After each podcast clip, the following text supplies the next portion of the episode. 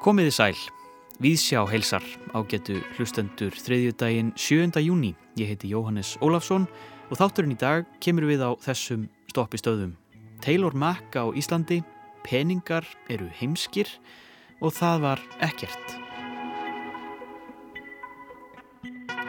Einn eftirtæktaverðasti viðburður síðustu viku á listaháttíð í Reykjavík voru tvær síningar dragdrottningarinnar Taylor Mack en hán síndi fyrir fullum sal þjóðleikúsins. Taylor Mack nýtir drag, tónlist og húmor til að draga fram kraftmikla samfélagslega gaggrinni. Sviðið og salurinn renna saman í eina sjónræna gleði sprengju þar sem áhörundur taka virkan þátt. Nína Hjálmarsdóttir leikús gaggrinandi viðsjár var í salnum og flytur okkur ítalegar hugleðingar um sína upplifun hér rétt á eftir. Hvað geta fornaldar heimsbyggingurinn Protogóras, vegalengtir mæltar í hrísgrjóna söðum, normalbám og skórækt í Evrópu á átjóndöld, sagt okkur um heimsín okkar í dag? Snorira Hallsson í Vín leggur pistil inn á bankareikning Víðsjár í dag, þar sem hann veldir þessari spurningu upp og fullir þér að peningar séu heimskir.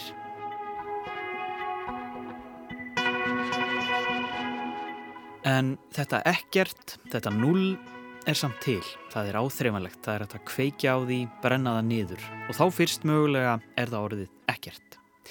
Við lítum við á myndlistasýningu Ingi Bjarkar Sigurjónsdóttur í lok þáttar, Döri Jen heitir hún. Þar beinir Ingi Björg sjónum sínum að smáatriðum hverstagsleikans og hverfuleikanum. Sem efni við nýtir hún meðal annars litarefni, texta, skrifstofupappir, gull, loft og óstjórnleg ferli. Við sjá heimsækir Kling og Bang í Marsjálhúsinu hér í lok þáttar og ræðir við Yngibjörgu Sigurjónsdóttur. En við ætlum að hefja þetta í dag á Taylor Mack á listaháttíð í Reykjavík. Nína Hjálmarsdóttir tekur nú við. Hinsegin sem snýst ekki um hverjum þú ert að sofa hjá, heldur hins einn sem snýst um sjálfið sem er á skáfið allt í kringum það og þarf að uppgötva og skapa og finna stað til að tjá sig og dapna og lifa. Þetta er tilvittnun í höfundin og aktivistan Bell Hooks sem kom til mín þegar ég lág upp í sófa og hugsaði um opnunarsýningu listaháttíðar í Reykjavík eftir hán þekta listakvár Taylor Mack Verkið er upprunalega 24 klukkustundir og ber nafnið 24 áratuga saga af vinsalli tónlist en var brota brota því flutt á stóra sviðinu í þjóðleikusinu. Það væri hægt að lýsa þessari síningu á margan hátt. Tónleikar, drag, þáttökuleikus, pólitískur gjörningur en um leið er þetta aðalega trillingslega gott sjó þar sem engu er til sparað en áhörundur er á tánum allan tíman því aldrei er fyrirsjáanlegt hvað mun eiginlega gerast næst. Taylor Mack er eitt af þessum superstjörnum sem dáleiðir áhörundur með sjarma sínum, hvað sem hán er að gera á sviðinu. Slíkir eru personutöfratnir að manneskjur af þessum toga verða annarkvort heimsfrægir performanslistamenn eða leiðtogar í sértrúarsöfniði. Samkvæmt því sem hefur komið fram í umfjöllun notar Taylor ímis fornöfn eins og fornafnið hán eða þeir á ennsku sem margir kynsegin einstaklingar nota. En Taylor notar vist líka fornafnið Judy sem er hugtak beintengt hinsegin sögu og vísar í Judy Garland en var líka nota sem annað orð yfir vin innan hinsegin samfélagsins. Þá má nefna að það var ein leið fyrir hins einn fólk til að bera kennsla hvert annað án þess að stefna sér í hættu var að segja já, hann er vinur Dorothy sem vísar þá í Dorothy úr galdrakallinum í Ós sem auðvitað var leikinn af Judy Garland.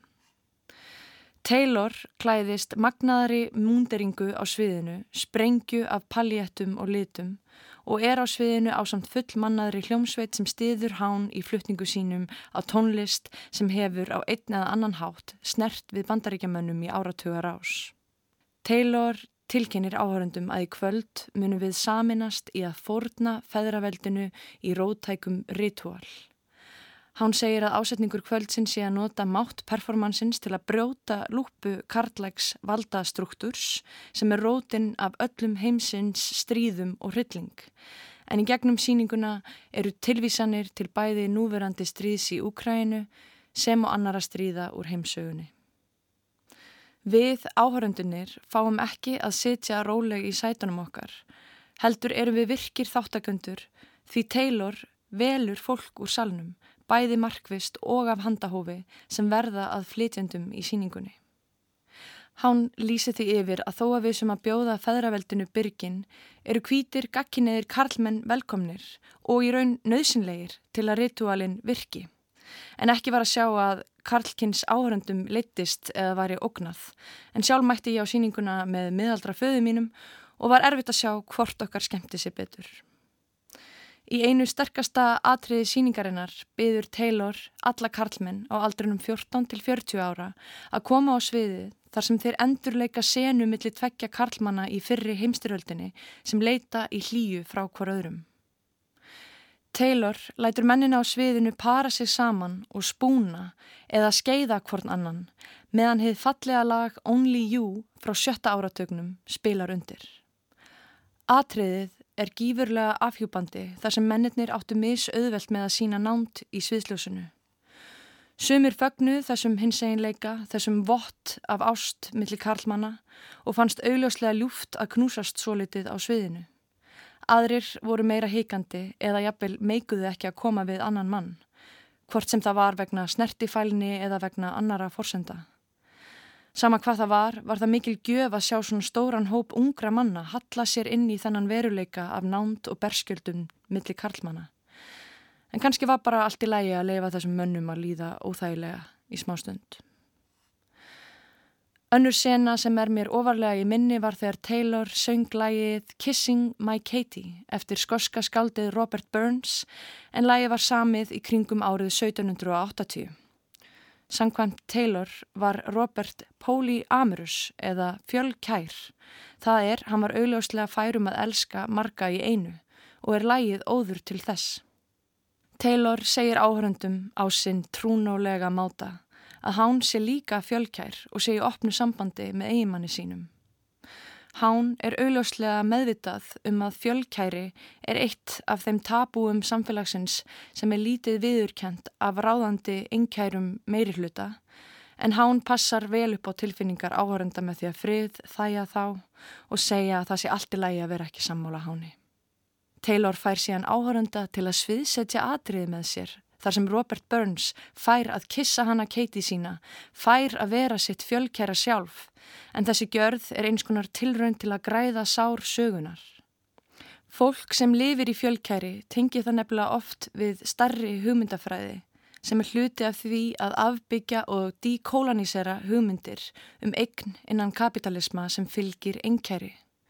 Það að vera hinsegin eða berjast á einhvern hátt á móti feðraveldinu eða vera á einhvern hátt á ská við hið miðjaða, normalíseraða ráðandi sjálf felur nefnilega í sér afbyggingu á öllum lærðum struktúrum, þar á meðal hugmyndinni að ást sé takmörkuð auðlind. Þau augnabliki síningunni sem snertu þó mest við mér voru þau sem voru ekki skipulögð.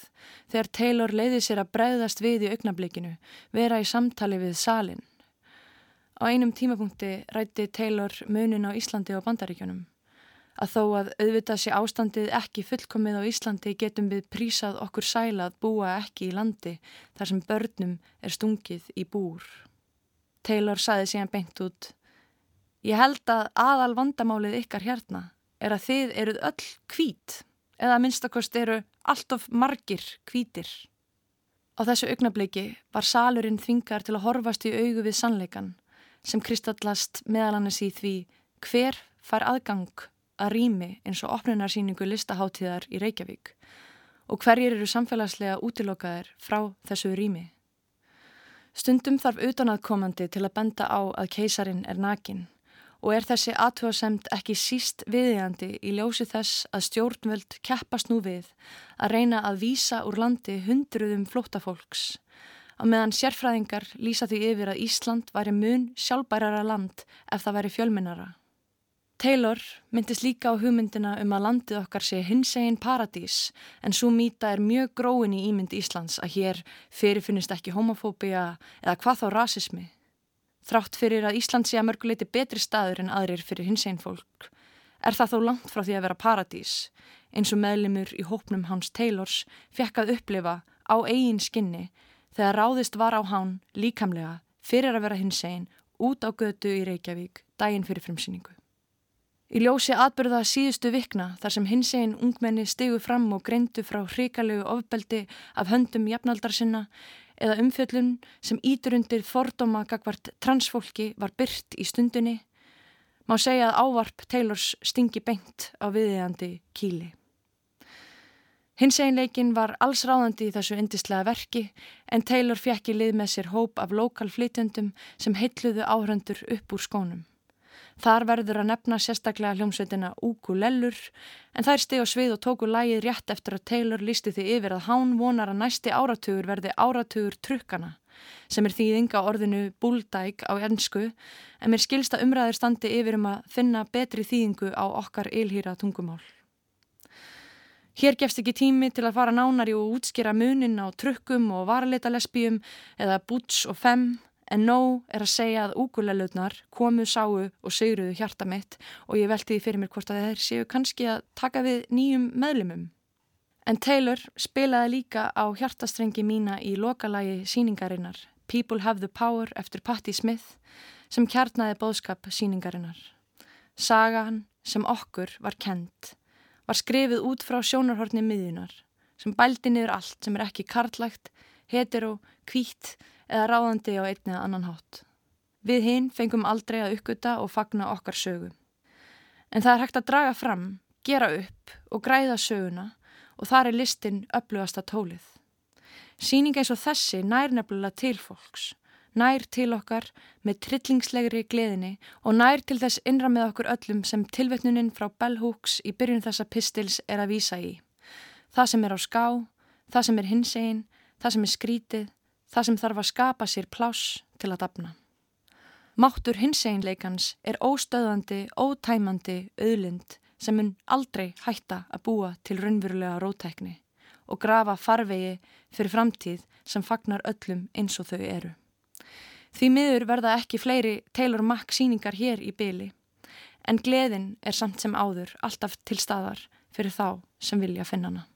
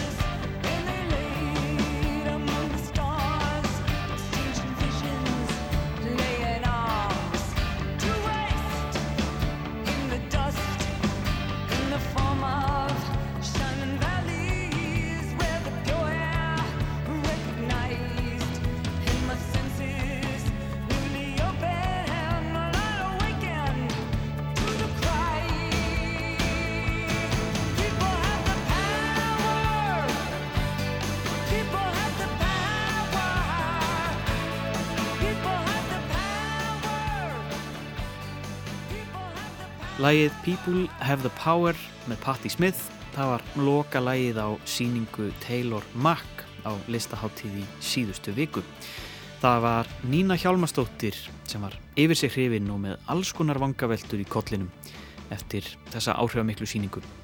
Og þau ykkar sem vilja vita meira um Taylor Mack þá hefur heldur betur verið fjallað um hán hér í menningarþáttum Rásar 1. Ég mæli með umfjöllun lestarinnar um hán og drag í starra samhengi í síðustu viku og einnig var þessi síning til umræðu í endastöðinni síðastliðin, förstu dag. En við ætlum að huga að allt öðrum hér við sjá. Eru peningar heimskir? Snorri Raffn Hallsson ætlar að svara því. Maðurinn er mælikvarði allra hluta. Þeirra sem eru að þeir séu og þeirra sem eru ekki að þeir séu ekki. Á þessum orðum hefst sannleikurinn eftir Protagoras og allt frá því að þessi orð fjallu fyrir 2400 og eitthvað árum síðan höfum við tekist á um merkingu þeirra. Því meira sem við veltum þeim fyrir okkur, því meira sem við segjum um þau, Því óvissari verðum við um hvað þau eiga að þýða, hvaða kjarnatilverunar þau fanga. Er þetta róttæk afstæðisíkja eða ingildandi mannmiðju kenning sem sofistinn setti fram? Það veldur á því hvaða maður er mælikvarðin. Er það ég? Eða er það þú? Eða er það maðurinn með stóru emmi og þar af leiðandi við bæði og öll hinn líka. Og hvaða hluti er verið að tala um? Þá efnislegu í kringum okkur, stólinn hérna á borðið, kaffibotla heimsbyggi profesorsins eða það sem byrtist okkur, hið göfuga og hið fáfengilega, það sem heillar okkur eða fælir frá. Og hvað verður um eðli hlutana? hvort þeir séu og hvernig þeir þá eru, þegar sitt sínist hverjum og við getum aldrei verið sammála um neitt. Já, sitt sínist hverjum og það verðist heldur lítið eftir af sannleikanum í tilli Protagórasar þegar veröldinni hefur verið splundrað í óteljandi jafngild sjónarhort sem öll hafa eitthvað til síns máls. En við sjáum hlutina þó ekki eins og þeir eru heldur eins og þeir byrtast okkur. Og það hvernig þeir byrtast okkur veldur á því hvernig við lítum á þá, hvaða mælistíku við leggjum á. Mannskeppnan er þeim einstaka hæfileika gætt og geta sett sig í spór annara. Þetta er uppspretta samkjöndarinnar, samhygðarinnar og skilningsins sem við getum sínt hverju öðru. Þannig getum við ekki bara veld hlutunum fyrir okkur, heldur einnig velt okkur í kringum hlutina, svo að segja. Við stígum út fyrir okkar einstaklingsbundna og takmarkaða sjónarhort, stígum út úr sjálfinu. En hver leið út er að samaskapi leið inn og þegar brot heimsins flæða hvertin í annað eiga söm sjónarhort það til að verða jafnari en önnur. Og viðleitni okkar til að brúa bylið á milli brotana setja þau saman aftur til að öðlast þekkingu á heiminum, getur snúist upp í andkverfi sína, byrkt okkur sín. Ríkið var blindt, skrifar James C. Scott í upphafi Seeing Like a State. Ríkið sá ekki það sem það þurfti að sjá til að hafa stjórn á því sem það vildi hafa stjórn á. En til að stýra þarf að mæla og þegar maðurinn er mælikvarði allra hluta þeirra sem eru að þeir séu og þeirra sem eru ekki að þeir séu ekki eru mælikvararnir misjafnir og við erum mörg. Þannig voru fjarlæðir til að mynda mældar í dagleiðum og hrískrónasuðum, land í fjölda fræja sem þurfti til að sáða hversu marga það gætt bröðfætt. Að skilja heiminn krafðist sérhæðrar þekkingar sem bundin var við stað og stund. Ekki var hægt að flytja hana á milli, jafnvel innan sama lands. En þegar þjóðrikið fór svo að reyða sér til rúms var einföldunar þörf. Þegnar sama ríkis skildu nota sömu mæleiningar, svo hægt væri að skrásetja eignir og skatleggja. Þeir skildu tala sama tungumál til að tilheyra sömu sögunni, falla undir sama áhrifa svið. Yfirgrips þekking og stjórn felur því ekki endilega í sér að sapna saman ólíkum sjónarhortnum og öðlast dýpri skilning, heldur þrengja það sjónarhort sem ræður, fletja samfélagið út í læsilega held, að sjá bara það sem þú vilt stjórna, skilja hitt undan. Skott tekur dæmi af skóum Evrópu frá miðri átjönduöldinni, þegar vísindaleg skórekt kom fram á sjónasviðið. Lagður var einn algildur mælikvarði á skóa álfunar sem endur speiklaði þá hagsmunni sem ríki höfðu af þeim. Tekjur af því timbri sem nýtamætti árlega. Skóarnir voru smættaðir niður í eina tölu og á bakvið þá breytu voru ekki skóarnir í allri sinni dýrð. Inni í þeirri tölu voru ekki ávextinnir sem er okkur fæða, spreg sem er okkur eldsniti og efni viður börkur og rætur sem er okkur liv og meðöl. Öll þau tré, runnar og plöntur voru ekki talin með sem ekki gáttu verið tekjulind ríkisins. Eftir stóð ekkert nema lengdarfetin sem selja mátti á mörguðum. Tengsl mannsins við skógin voru horfin, tengsl skóana við sjálfa sig sömuleiðis ósynileg. Peningar breyttu þannig umhverfi og náttúru í auðlind. Auðlind sem reiknuð var út í normal bóime, hinn stöðluðu tré. Skóarnir voru teknaðir upp, mældir og reiknaðir út með hjálp þessarar óhlutstæðu hugmyndar sem gerði þá læsilega. Og það er auðveldra eiga við það sem samsamar sig hugmyndum okkar um það, svo snirtilega raðirnar á reikniblöðunum voru endur skapaðar í veruleikanum. Normal bóimi voru gróður sett í skipulegum röðum til að riðja burt óreiðu náttúrunar. Einrækt tók við af fjölbreytileikanum, framleiðslu aðferðir voru einfaldar, afköstin hámörguð. Öllu sem stóði vegi fyrir skilvirkri framleiðslu likil vörunar var útrynd, skrifar Skott, og drefur hverki undan varðandi það hversu vel þetta gekk. Skóarnir urðu að arðbærum vöru vélum. Til skamst tíma. Þegar fyrstu kynnslóðir normalbóime höfðu gjör nýtt gróður saman jarðvegin, fór að halla undan fæti. Lítið varð eftir af næringarefnum fyrir næstu kynnslóðir. Pestir og áföll mögnuðust upp. Valdsterben eða dauði skóar var það raunverulegri okn. Plástratnir á sárin urðu óteljandi, vöxturinn hrundi og við erum enn að takast á við afleggingarnar. Þessi saga lýsir ekki bara hættum innræktar og sjálfbærtni, skamtíma hugsun og vonum skjótan gróða. Hún lýsir ekki bara því hvernig auðmagn merk sigur allt sem það kemst í tæri við, heldur kjarnar hún líka heimsku peninga. Normal Baum, heið staðlaða tré, var enn bara einn mælikvarði af mörgum. Hann gildi á sínu sviði, í sínu samhengi, en það var ekki hægt að leggja það jöfnu við annað nema framkvæma enn eina einföldunina. Taka enn fleiri atriði út fyrir svega og þýða yfir í peninga. Því peningar sem bókalds eining gera allt sambærilegt og hagfræðinni hefur tekist að setja verðmiða á hvað svo sem er. Eitt staðlað tré er jafngilt svo og svo mörgum vinnustundum, sem eru jafngildar svo og svo mörgum leikúsmiðum, sem eru jafngildir svo og svo stóru hlutfalli af kauprættarsamningi á hlut í banka og svo framvegis og svo framvegis og svo framvegis. Það er gott og blessað að leika sér að tölum reikna át kostnað og hagnað af hverju einustu gjörð, hverju einasta fyrirbæri. En sem samnefnari heimsins hafa peningar tekið allt nema sjálfa sig út fyrir svega og orðið að þeim einu rökum sem marktæk eru. Ef peningar sæju eitthvað annað en sjálfa sig, hefði Ford aldrei geta reiknað sér niður á það að það væri betra að borga skadabætur vegna Pinto bílana sinna sem áttu það til að springa þegar ekið var á þá en að laga hönnunagallan sem olliði.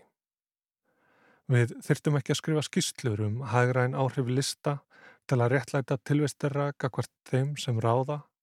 Við myndum ekki einu svoni spá í það, hvort sjálfbærni borgi sig, hvort að svari kostnaði að bjarga mannkininu frá sjálfsköpuðum hamförum áður en við tækjum til aðgerða. En rétt eins og með trén hefur einsleitni þeirra sjónamiða sem ráða gert útaf við varnir okkar. Við föllum auðveldar fyrir þessari pest, það er minna af einhverju öðru í grasrútinni í kringum okkur. Frá sjónarhóli peningana sjáum við ekki skógin fyrir skipuritinu. Við sjáum ekki heiminn fyrir en peningarnir hafa endurskapaðan í ein mynd og vereldin verður að engu nema tölum á bladi. Ef Protagoras hefði skrifað sannleikan í dag, hefði hann líklega haldið fram algildri og útilokandi fjármiðju kenningu og bókin hefði hafist á þessum orðum. Peningar eru mælikvarði allra hluta, þeirra sem eru að þeir séu og þeirra sem eru ekki að þeir séu ekki. En hver leið út er að samaskapi leið inn og kannski er komin tími á að við splundrum veruleikanum aftur í óteljandi brot. Finnum leiðina inn í sjálfið, inn í sjónarhorn mannsins með stóru emmi. En ekki peningana. Því peningar sjá ekkert nema peninga og fátæklæra sjónarhorn en sjónarhorn peninga er ekki til.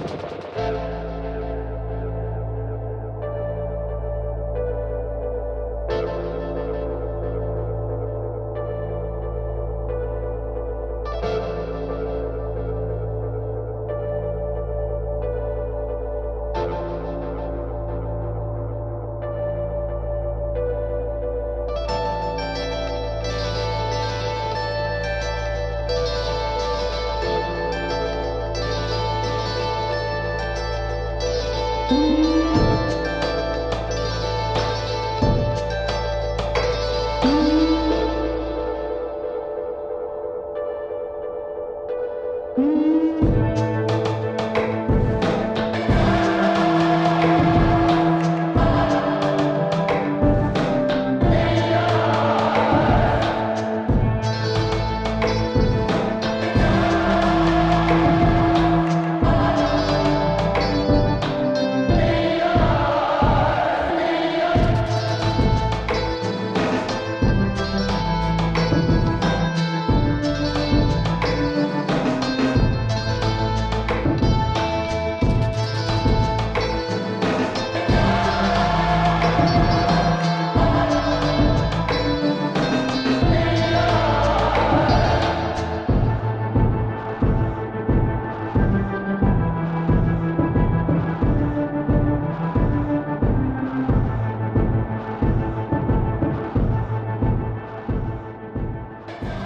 Lægið The Weight of Gold með Forest Swords af blutunni Engra Wings frá árnu 2013.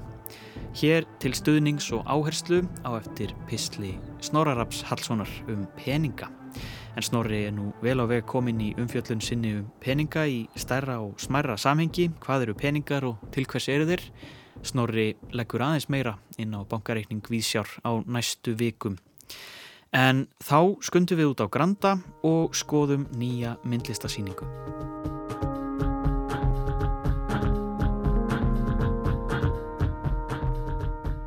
Víðsjá er lett hér í Kling og Bang í Marshallhúsi út á Granda. Það kemur ekki mikið óvart að listaháttíð í Reykjavík tegi ánga sína hingað. Uh, hér er Ingi-Björg Seyrjónsdóttir nýbúin að opna síninguna Dörrien. Hún er hérna hjá mér til hamingi með síninguna og takk fyrir að taka á móti mér um, og gleðilega listaháttíð, þetta er skemmtilegu tími, ekki? Jú, þakkaði kærlega fyrir að koma hingað.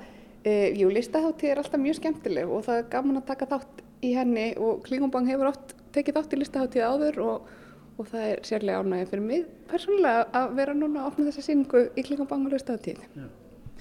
Sko, við vorum að aðeins að ræða hvar við ættum að byrja og hvernig um, um kannski að byrja bara á nafninu Dörrien, það, það var ekkert um, sko eitthvað svona tómhyggja eða núlpunktur, ég veit ekki hvað sprettur upp í kollin sko hvar myndið þú vilja byrja að útskýra þetta, þessa síningu? Já, það er svolítið gott að byrja á tillinum.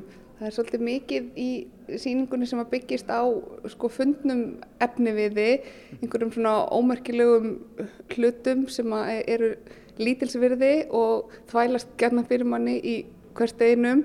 En svo ef maður skoða þá aðeins nánar þá leynist í þeim einhver dýpri merking og það er svolítið þannig með þennan frasa líka, döga ján, sem að þýðir bara eins sem er notað á, á fransku til að segja að það var ekkert ekkert að þakka þegar einhver, einhver þakka manni fyrir eitthvað en bókstaflega þýðir þetta af engu mm. og sem að er aðeins meira hildýpi heldur en ekkert að þakka og, og þannig að síningin, upphafið að síningun er svolítið lagskipt, það byrjar í rauninni bara hérna niðri á jarðhæðinni þar sem maður kemur inn í bygginguna þar sem er búið að leysa plakatið upp, þar sem venjulega eru hanga plakat fyrir síningarnar, það er búið að leysa plakatið upp og eftir standa bara stafirnir og tákmynd síningarinnar mm. og svo komum við hérna upp að síningarsalunum þar sem við stöndum núna Já. og þá tekur á móti manni svona lítið textaverk á dyrunum sem að tengist tillinum og hér stundur það var ekkert, hvað er ekkert, ekkert. En hér inni er eitthvað? Já. Og við ætlum að kíkja þess inn eða ekki? Við ætlum Já. að gera það.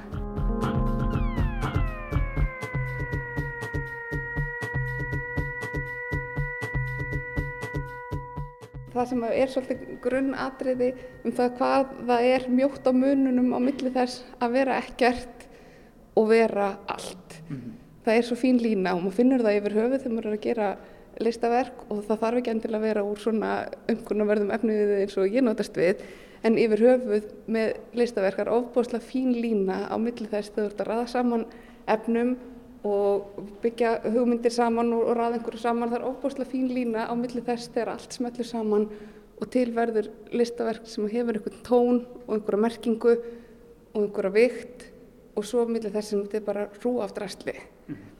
en ég geng kannski svolítið út á brúnina í því með því að nota eh, efni sem eru líka svolítið fáfengileg eh, í öðrum aðstæðum Já. vil ég halda fram og hérna og að gera eins lítið og hægt er til þess að láta þau lifa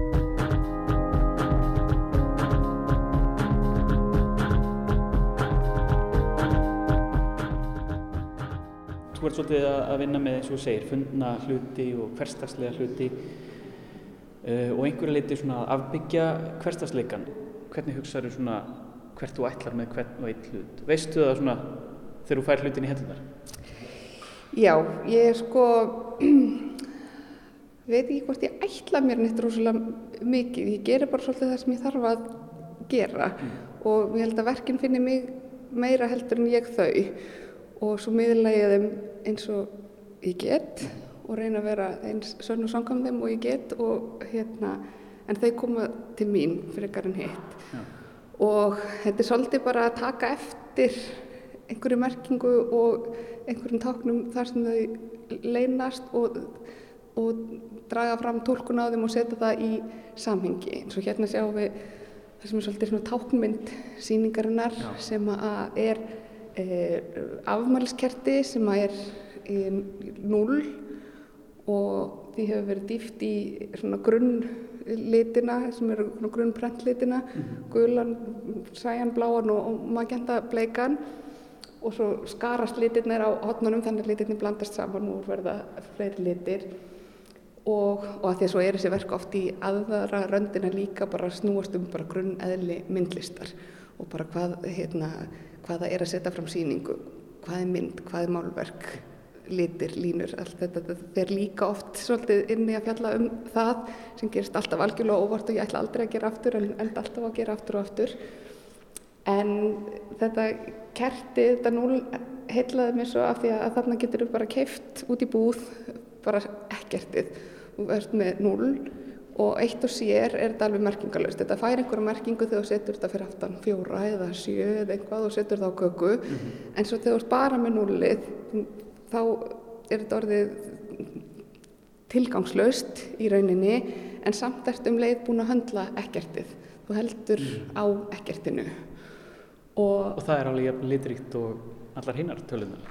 Já, já, og, og, og felur í sér hérna einhver og það er svona, já, er, það er einhver svona dýpi í, í því sem að er ekki alveg eins í hinnum tölunum, sko. Hérna, það er svona meiri spírall bak við núlið heldur en fjóra, einhvern veginn. Og, og að þetta er kerti þá er þetta auðvitað ætlað til þess að maður brenni það niður og þá allavega sannarlega væri það nú orðið að engu. En svo reyni ég einhver svona því með því að ætla ekki að brenna það og geta bara haldið í hendunni og fundið einhver á svona hugun í því að geta þó höndlað ekkertið. Af því að ekkertið og tómleikin er náttúrulega svimandi hugmyndir og það er ekkit, það er ekki endilega mikið svona þægindasvæði fyrir mann að fara niður þann spýrar. Nei. En hann er svo sannarlega þarna og og svo var ég búin að eiga þetta árum saman voða glöð með, með ekkerti mitt og áttaði mig svo á því að, þar sem það var búið að liggja á vinnstofborðinu hjá mér árum saman þá var það að byrja að eyðast að því að sólinn var að upplita það. Þannig að maður getur nú ekkert stöðvað framgang eyðingarinnar þótt maður reyni. Þannig að, að, að þetta er svolítið gegnumgangandi í þessari sýningu. En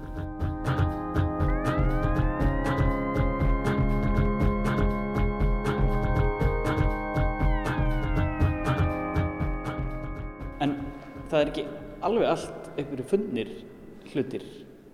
Þegar maður gengur, ef við geng- göngum hérna, eða ég var alltaf hérna. Já, kannski kannski taka þarna. Já. Þetta er svona, uh, hér á gólfinu er verk sem að heitir Mér langar að bjóða þér upp á Madeleine sem minnir þið ekki á neitt og þar er, það er það nú kannski svona fundin hugsun frekar heldur en fundin hlutur Eh, en sem er nú samt snúið upp á það því að við þekkjum nú fæst kannski matalennunar úr íslenskum bakaríum en við þekkjum hana úr uh, sögu Marcel Proust Akkurat. í leita að hornum tíma Sem vekur minningarnar hans og hann fer að skrifa. Já, og þú veist talað um þetta, þetta er svona, svona ofbúslega þekta minni úr bókmyndunum sem er í rauninni orðin svo skjálfileg klísi sem maður má ekki snerta á því sem gerir það náttúrulega verkum og ég stendst ekki freystinguna Nei.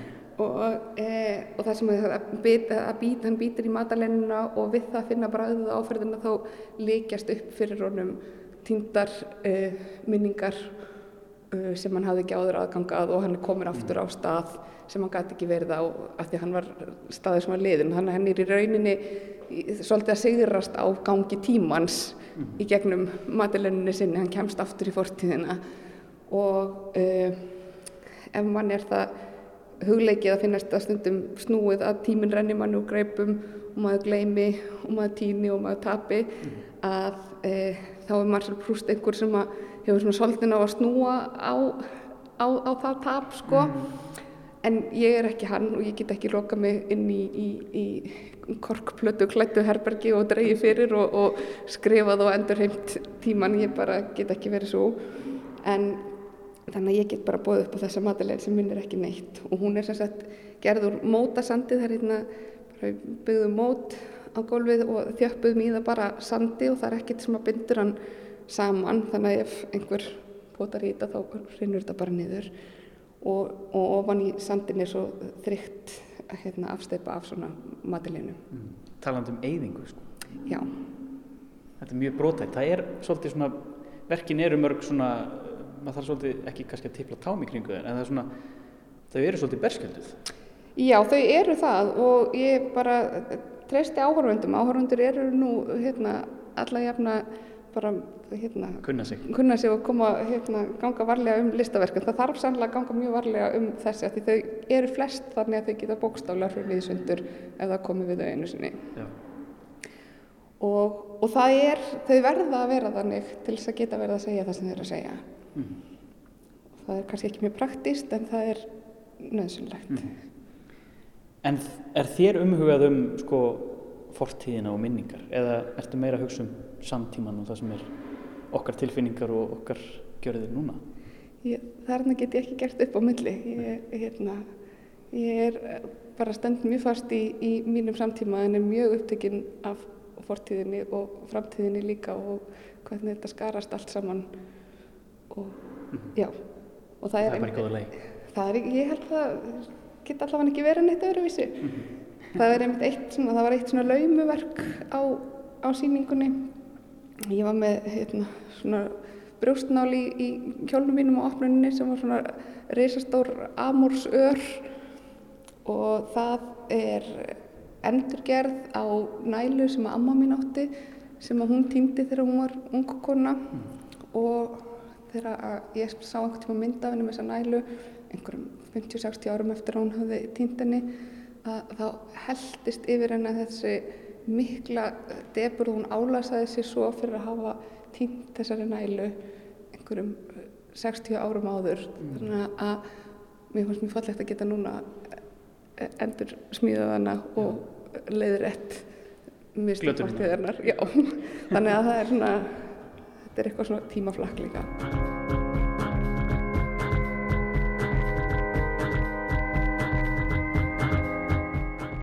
Það var eitt verk hérna sem að greip mig svolítið strax einhvern veginn. Það er þessi plastpóki hérna sem hangir á vegnum.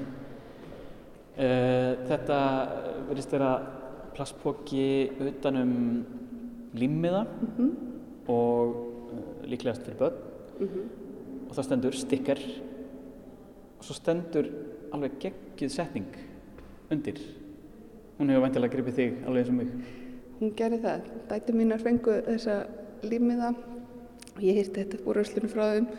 Þannig að stendur we have hopes because we have love. Við höfum vonir af því að já, við höfum ást. já. Og jafn stórum stöðum þar á eftir stendur made in China. Og China með litlu sé Já. Og þetta er svona, þetta er, já, við höfum vonir vegna þess að við höfum ást eða kærleik. Þetta er svona svolítið dulafullu frasi og maður áttar sig ekki alveg á því hvort að þetta er algjörlega hinn heilegasti sannleikur eða einhver útúrsnúningur og rugl. En hérna, það sótti mjög á mig Já. og hérna, þetta verk varð að vera hér. Já. Þetta er svona gott dæmi um fundin hlut sem að einhvern veginn bara gargar á mann eitthvað allt annað heldur en uppáharlega var lagt upp með. Algjörlega og það, þessir fjársjóður leynast nefnilega við það sko.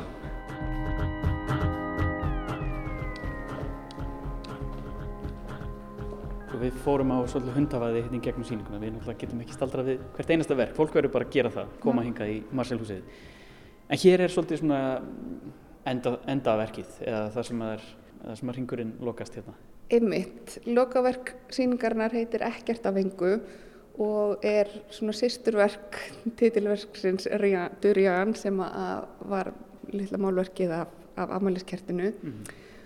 Af því að þegar ég málaði myndina af amæliskertinu sem við sáum í rammanum áðan, þá var blaðið í svona teikni blokk og, og þegar ég tók það úr blokkinni að þá hafði næsta blað sér fyrir neðan bólnað upp út af vatninu sem var í litnum sem ég var að nota á næstu blaðsi fyrir ofan.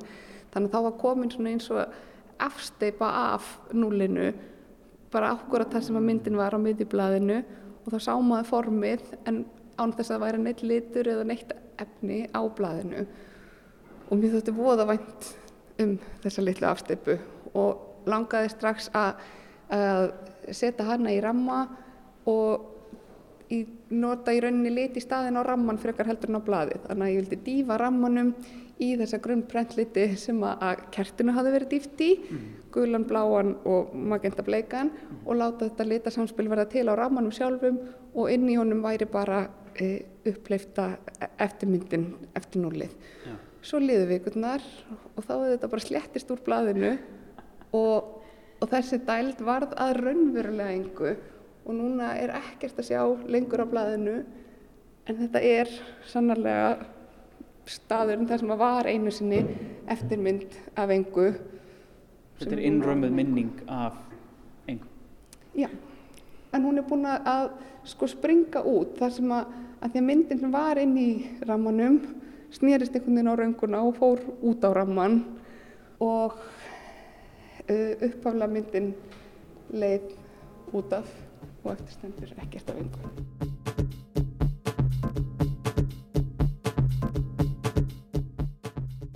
Það er líka að koma út, eða komin út bók uh, sem þú sagði mér að væri ekki beint um síninguna eða tengd enni alveg en hún er svona í tilefnið af þessari síningu. Segð mér næst frá þessari bók sem tunglið gefur út. Já, ég nýtti þetta goða tilefni sem þessi síningu var til þess að gefa út bók sem mér hefur lengi langað að gera mm og ég gerði hérna uh, með Ragnar Helga Óláfsinni, hann sett hana upp fyrir mig og gefur hana út á svona degi hjarta sinni hjá tunglinu. Og bókin heitir Heiklarslakka til heimsendis og byggist á uh, textum og myndlistaverkum sem ég hef gert í gegnum tíðina. Þannig að þessi síning kemur þar við sögu bara eins og hver önnur síning í rauninni. Mm.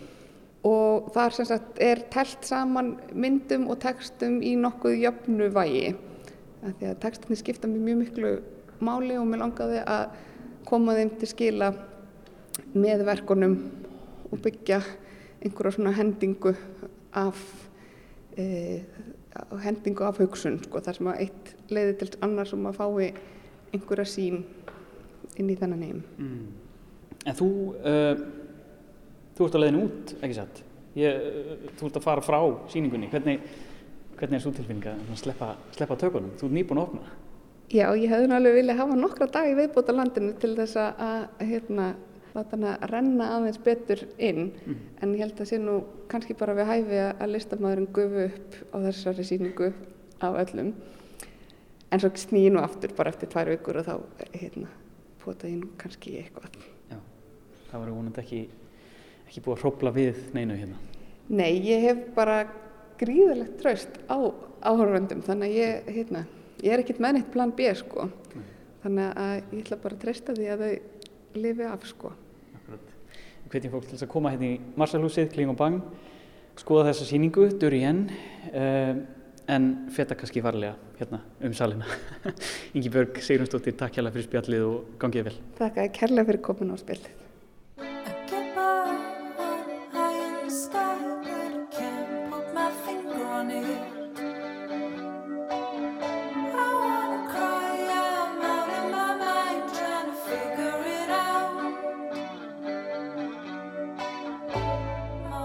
Einmitt það, þetta er velska tónlistakonan Kate Le Bon, lægið Moderation af nýjustu plötu hennar Pompeii sem kom út fyrr á þessu ári. Og við ljúkum viðsjá hér á tónlist Kate Le Bon, þótt fyrr hafi verið. Við heyrumst aftur hér á Rás 1 á sama tíma á morgun. Þánga til, veriði sæl.